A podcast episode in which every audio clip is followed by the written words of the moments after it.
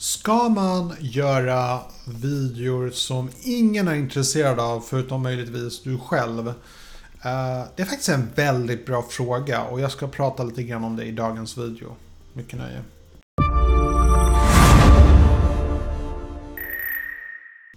Hej och välkommen till min kanal, mitt namn är Tommy och jag hjälper dig att bemästra social media idag. Om du är ny här, glöm inte att hashtag nyprenumerant så jag kan välkomna dig ordentligt. Lite kort om mig själv, jag jobbar som konsult, jag hjälper små och stora företag att utvecklas och jag har en akademisk bakgrund inom marknadsföring. Så, vi sätter igång på det här ämnet som jag tror är väldigt viktigt. Och jag vet att det är många av er som har personliga vloggar och ni gör videos som handlar om well, väldigt personliga saker. Ni delar med er om ni till exempel känner er ensamma eller om ni har komplex för vissa kroppssaker. Eller om saker som kanske bara ni mest bryr er om. Och ni kanske utnyttjar YouTube-kanalen till att, eh, som ett terapiverktyg ungefär. Eh, och sen är frågan, ska man göra det här eh, eller inte?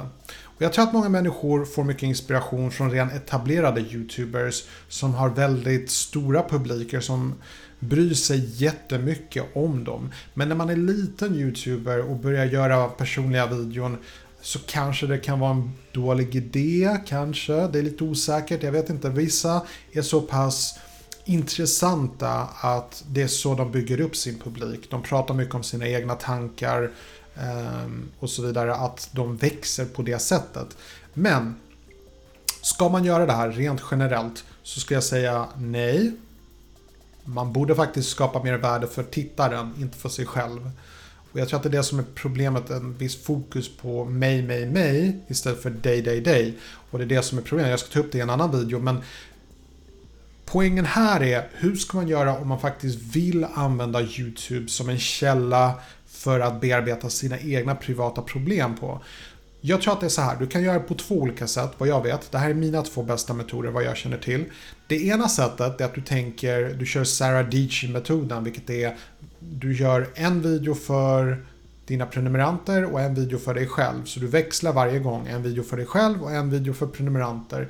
Det är ett sätt som verkar fungera väldigt bra för Sarah Dici. Sarah Dici är en stor amerikansk YouTuber. Um, en annan sätt, ett annat sätt du kan göra det är att göra som Jenna Marbles. Att du har en video som kommer bli väldigt populär för att det är någonting väldigt clickbait i titeln eller i thumbnailen. Du gör någonting roligt eller intensivt i videon. Och sen i slutet av videon, då har du det som en personlig vlogg där du pratar om dina personliga saker och så vidare. På det sättet kan du kombinera det bästa av två världar. Du får utlopp för dina känslor och du tar även upp någonting som kan vara väldigt intressant för tittaren. Så det är två metoder jag kan rekommendera om du så att säga vill bygga en stor publik och du vill använda din YouTube-kanal eh, som ett terapiverktyg. Det var lite kort från min sida. Om du har något tips hur man ska hantera det här, om man ska göra personliga videon på YouTube eller inte. Skriv jättegärna här nere, jag är jättenyfiken och veta vad du tänker kring det här ämnet. Det var allt jag hade för idag. Ha en fantastisk dag. Oh, det rimmade igen.